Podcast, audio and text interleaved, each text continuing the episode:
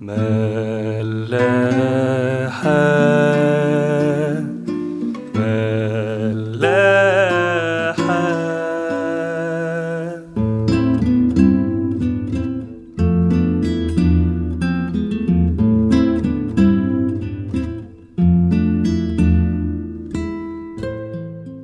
يوحنا 18 أعداد 29 ل 32 فخرج بيلاطس إليهم وقال أية شكاية تقدمون على هذا الإنسان؟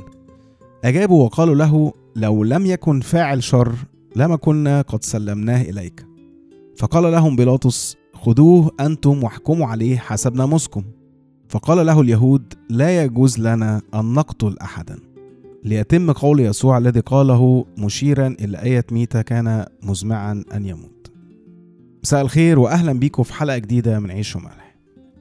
من المرائية في الاهتمام باللي داخل بقنا على حساب اللي خارج منه للمرائية في الاهتمام بطهارة الجسم وإحنا على ايدينا دم. ده كان موضوع آخر حلقة. المرة دي بنشوف نوع جديد من المرائية. إني مش قادر أقتل حد فبروح لحد يقتلهولي.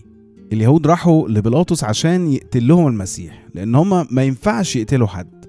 وده كأنه الجزء الثاني أو الخطوة التالية لكلامنا بقى في الحلقة اللي فاتت عن الإيدين اللي مليانة دم. وهو ببساطة غسلها من الدم ده وكأن اللي بيعمل كده بيغسل الذنب الفعلي اللي عمله. يعني هو أنا لما أقتل حد وإيدي تتغرق دم وأروح المطبخ أغسلها يبقى أنا كده بقيت بريء من الدم؟ لا يا ريت الموضوع بالبساطة دي. غسل الدم لا يبرئ من الدم. وعلى قد سذاجة يعني العبارة اللي أنا اخترعتها دلوقتي عبارة لا تحتوي على أي حكمة جديدة أو إضافة للحياة بس ده فعليا اللي حصل ساعتها. قبل ما بيلاطس يغسل إيديه من دم المسيح اليهود اللي هم عيلة وشعب المسيح بالجسد عملوا كده معاه. حكموا عليه بالموت بالظلم وبدون أيا من الإجراءات المتبعة لوصول لحكم زي ده. إيديهم فيها دم أهي. طب كملوا بقى واقتلوه. ليه ما حكمتوش عليه بالرجم زي ما كنتوا عايزينه هو يحكم بكده على المرأة اللي أمسكت في زنا؟ دلوقتي بقى افتكرتوا إنه لا يجوز لنا أن نقتل أحد؟ ومحدش يفتكر إن هم بس كانوا خايفين من التعدي على الحكم الروماني. لا الرومان ما كانش عندهم أي مانع إن اليهود يعملوا اللي يعملوه. بس لو الموضوع فيه إعدام كان لازم يرجعوا للحاكم الروماني عشان يصدق على الحكم ده. بس ولا هو اللي بيحكم ولا بينفذ الحكم هو ماله بالناموس بتاعهم.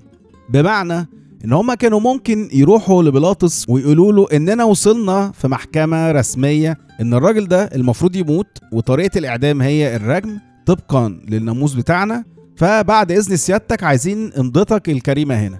إنما هما ما عملوش كده عشان هما نفسهم ما كانوش عايزين يخشوا في إجراءات محاكمة عادلة ممكن يطلع منها بريء ولا عايزين يطلعوا وحشين قدام الشعب اللي شايفه المساء المنتظر فعملوا حاجة معروفة جدا في السياسة اسمها plausible deniability اللي هي بالعربي بيسموها الإنكار المقبول أو الإنكار المعقول. وهو إن المسؤولين أو حتى الحكومات بحالها يبقى عندها القدرة على إنكار تورطها في أي أعمال ممكن تتسبب في ملاحقاتها جنائيا أو حتى تشويه سمعتها وشعبيتها. في حين إن العالم كله بيبقى متأكد إنه الشخص ده أو الجهة دي مسؤولة أو متسترة أو محرضة أو على الأقل موافقة ومستفيدة من العمل المشين ده. بس برضه بيغسلوا إيديهم عشان يكونوا قدام العالم بريئين فان فاكت بقى وهي يعني لسخرية القدر إن المصطلح ده طلع أول مرة في ورقة صادرة عن الرئيس الأمريكي هاري ترومان. ورقة كان ليها علاقة بالأمن القومي. بس لسه السخرية ما جاتش. السخرية بقى إن الرئيس ده هو من أكتر رؤساء أمريكا دعما للصهيونية. وهو أول رئيس في العالم اعترف بالدولة الإسرائيلية. وعايزين بقى قمة السخرية؟ عارفين ورقة مصطلح الإنكار المقبول دي أو ال plausible deniability طلعت سنة كام؟ سنة 1948 سنة الإعلان عن قيام دولة إسرائيل على أرض فلسطين. وكأن مبادئ الصهيونية الحديثة حاضرة وبقوة من وقت محاكمة المسيح. حد يقول هو الموضوع ماله قلب سياسة فجأة كده ليه؟ هقول لك لأنه أصلا محاكمة المسيح ولا كانت محاكمة دينية ولا جنائية إنما سياسية الدرجة الأولى. وهي نتاج مؤامرة سياسية مكتملة الأركان. بدأت من ساعة إعلان قيافة وجوب قتل المسيح بعد لما أقام لعازر من الموت. عشان كل اليهود كانوا هيمشوا وراه فهيخسروا مكانتهم والرومان يسيطروا عليهم بالكامل. فلو تخيلت إننا ملناش دعوة بالسياسة هنكون بنعمل بالظبط زي اليهود ساعتها لما غسلوا إيديهم وقالوا إحنا ما ينفعش نقتل. إحنا ملناش دعوة بالسياسة. اقتلوا انت. فرق 2000 سنة بس الإنكار المقبول هو هو.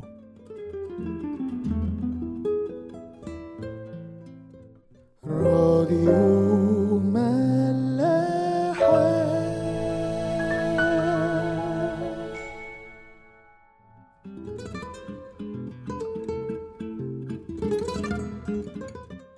يوحنا 18 أعداد 33 ل 38 ثم دخل بيلاطس أيضا إلى دار الولاية ودعا يسوع وقال له أنت ملك اليهود؟ أجابه يسوع أمن ذاتك تقول هذا أم آخرون قالوا لك عني؟ أجابه بيلاطس ألعلي أنا يهودي؟ أمتك ورؤساء الكهنة أسلموك إلي ماذا فعلت؟ أجاب يسوع مملكتي ليست من هذا العالم لو كانت مملكتي من هذا العالم لكان خدامي يجاهدون لكي لا أسلم إلى اليهود ولكن الآن ليست مملكتي من هنا. فقال له بيلاطس أفأنت إذا ملك؟ أجاب يسوع أنت تقول إني ملك. لهذا قد ولدت أنا ولهذا قد أتيت إلى العالم لأشهد للحق كل من هو من الحق يسمع صوتي. قال له بيلاطس ما هو الحق؟ ولما قال هذا خرج أيضا إلى اليهود وقال لهم أنا لست أجد فيه علة واحدة. ايا كان رأينا في بيلاطس بس لما نبص لحديثه مع المسيح بنشوف إن على الأقل يسوع اهتم بيه ويمكن ده أطول حديث حصل أو هيحصل من ساعة القبض على يسوع لحد موته على الصليب. بس قبل ما نخش في تفاصيل حديث يعني مهم نعرف بقى شوية معلومات أو خلفية عن بيلاطس بيلاطس البونتي كان الحاكم الروماني على منطقة اليهودية. وقعد شوية حلوين يعني قعد حوالي عشر سنين حاكم وده من أطول الأوقات اللي قضاها أي حاكم روماني على المنطقة دي. ووقت المحاكمة دي كان تقريبا في نص مدته فهو ما كانش مستجد يعني على المنطقة دي. وكان بالفعل ليه مواقف كتيرة مع اليهود وده مش أول واحد. منهم موقف الجليليين اللي قتلهم بيلاطس ومذكور في لقا 13 وغالبا ده كان من ضمن الأسباب بتاعة الخلاف ما بين بيلاطس وهيرودس اللي هنلاقيه مذكور برضه في لقا 23 وفي بقى مواقف تانية مشابهة كتير ذكرها المؤرخين. فيها نفس النوع من الشد والجذب. وفوق كل ده معلومة مهمة لازم نعرفها. إن الحاكم الروماني هو اللي كان بيوافق على اختيار رئيس الكهنة. وممكن يشيله ويغيره عادي. والحاكم اللي قبليه فاليريوس جراتوس غير رئيس الكهنة خمس مرات. ومن ضمن اللي غيرهم دول على فكرة حنان اللي هو حما قيافة رئيس الكهنة القائم في الوقت ده. في حين إن بيلاطس لما استلم الحكم استلمه بقيافة وفضل مكمل معاه طول فترة حكمه. ونطلع من كل ده إن بيلاطس ما كانش ساذج أو مبتدئ ولما قابل المسيح هو كان فاهم كويس قوي الداينامكس أو يعني المحركات بتاعة المجتمع اليهودي. لو رجعنا بقى للحديث هنستشف من كلام بيلاطس إنه كان قاري المشهد كويس قوي لما جابوا له المسيح. هو فاهم المرائية بتاعة رؤساء الكهنة. وإن المسيح ضايقهم بشكل ما لدرجة إن هم يبذلوا المجهود والضغط ده كله عشان يقضوا عليه. وعشان كده سألوا في النص ماذا فعلت؟ أنت عملت إيه وصلهم لكده؟ وبنشوف بقى طبعا ساعتها المنطق السياسي اللي رد بيه المسيح. مش محتاجين يعني نشرحه كلام شارح نفسه كلام بسيط ومفهوم وفي نفس الوقت قوي جدا لدرجة إنه بيلاطس نفسه شاف إنه بريء. وبيختم بقى المسيح كلامه بإنك لو عايز تعرف فعلا أنا مين أنا جيت عشان أشهد للحق. واللي من الحق أو عايز الحق هيسمع صوتي. وكأنه بيشرح له الملك الحقيقي بتاعه بيجي إزاي. وساعتها بنشوف رد بيلاطس الساخر. بيقول له هو إيه الحق؟ وحتى ما بيستناش رد منه بيخرج لليهود يقول لهم حكمه إنه مش شايف أي علة أو تهمة على المسيح. سؤال بيلاطس ده بيلخص الدايلاما أو الصراع بتاع عالم السياسة كله. هو إيه الحق؟ إيه الصح؟ والصراع ده هيفهمه قوي أي حد اتعامل مع سياسة عن قرب. مش شرط على فكرة يكون في السلك الدبلوماسي يعني إنما في أي منشأة أو مؤسسة هرمية ايا كان حكومية مش حكومية ربحية مش ربحية لازم هتلاقي فيها السياسة ولو ركزت أكتر هتلاقي إن السياسة داخلة في حياتنا حتى على مستوى البيت. لأنك حتى لو أنت رب بيت بتلاقي إن أنت بتتعرض لنفس الصراعات السياسية دي بس على مستوى البيت. بتلاقي نفسك في وقت مش هيكون عندك شفافية هتلاقي إن أنت هتحتاج تبقى قاسي وضد المبادئ اللي انت طول عمرك بتآمن بيها هتحتاج في وقت حتى تتعدى على حريات وخصوصيات انت كنت بتستموت عليها وانت صغير. وتبقى ساعتها شايف ان انت لو ما عملتش كده المركب هتغرق. وساعتها برضه هيكون دايما عندك نفس السؤال هو إيه الحق؟ إيه الصح؟ في يوحنا 8 وبالمناسبة بعد حادثة المرأة اللي أمسكت في زنا بيحصل حوار كده ما بين يسوع وبعض اليهود ومنهم يهود أمنوا بيه كمان. هقرا لكم بقى حتة كده من عدد 31 لعدد 36 فقال يسوع لليهود الذين آمنوا به إنكم إن ثبتتم في كلامي فبالحقيقة تكونون تلاميذي وتعرفون الحق والحق يحرركم. أجابوه إننا ذرية إبراهيم ولم نستعبد لأحد قط. كيف تقول أنت إنكم تصيرون أحرارا أجابهم يسوع الحق الحق أقول لكم إن كل من يعمل الخطية هو عبد للخطية. والعبد لا يبقى في البيت إلى الأبد. أما الإبن فيبقى إلى الأبد. فإن حرركم الإبن فبالحقيقة تكونون أحرارا نستنتج من ده إن أولا كلنا عبيد أو سجناء طالما بنعمل أي خطية. مفيش أي حد فينا حر. لأنك زي بيلاطس أو أي حد في عالم السياسة بكل صورها بقى زي ما شفنا هيكون في دايما حاجة متحكمة فيك أو بتضغط عليك. يا من فوقيك يا من تحتيك يا إما حتى من جنبيك. دايما هيكون في ضغط وصراع. وفوق كل الصراعات دي كمان في صراع جواك أنت شخصيا. أنت عايز تحافظ على مصالحك أو مركزك أو حتى كبريائك. فإحنا كده كده عبيد. والحل الوحيد للتحرر من العبودية دي إننا نعرف الحق ونمشي وراه.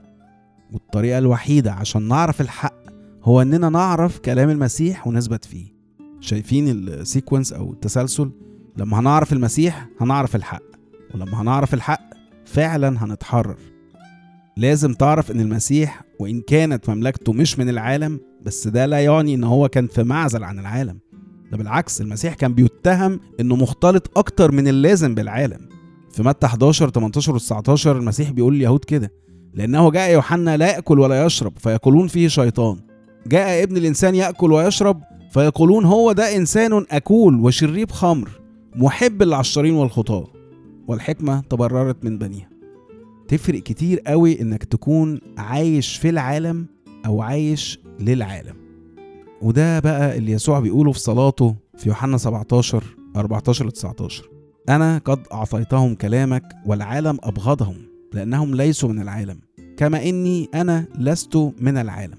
لست أسأل أن تأخذهم من العالم بل أن تحفظهم من الشرير. ليسوا من العالم كما أني أنا لست من العالم. قدسهم في حقك كلامك هو حق.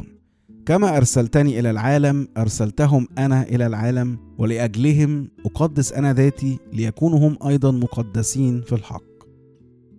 لكل واحد فعلا بيسأل عن الحق. يقول إيه؟ يعمل إيه؟ يحكم بإيه؟ اعرف إن أنت مش لوحدك وإنك مستحيل أصلا هتعرف تعمل ده لوحدك. وده وعد وتحذير في نفس الوقت. في يوحنا 14 23 27 يسوع بيقول لنا كده إن أحبني أحد يحفظ كلامي ويحبه أبي وإليه نأتي وعنده نصنع منزلا. الذي لا يحبني لا يحفظ كلامي والكلام الذي تسمعونه ليس لي بل للآب الذي أرسلني. بهذا كلمتكم وأنا عندكم. وأما المعزي الروح القدس الذي سيرسله الآب باسمي فهو يعلمكم كل شيء ويذكركم بكل ما قلته لكم.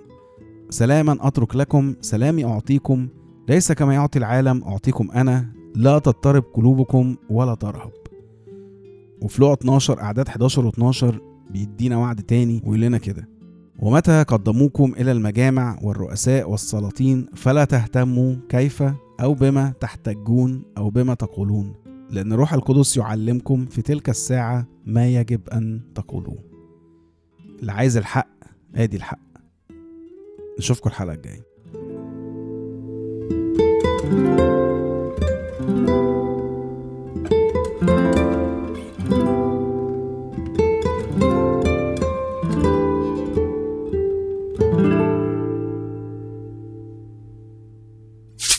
راديو ملاح.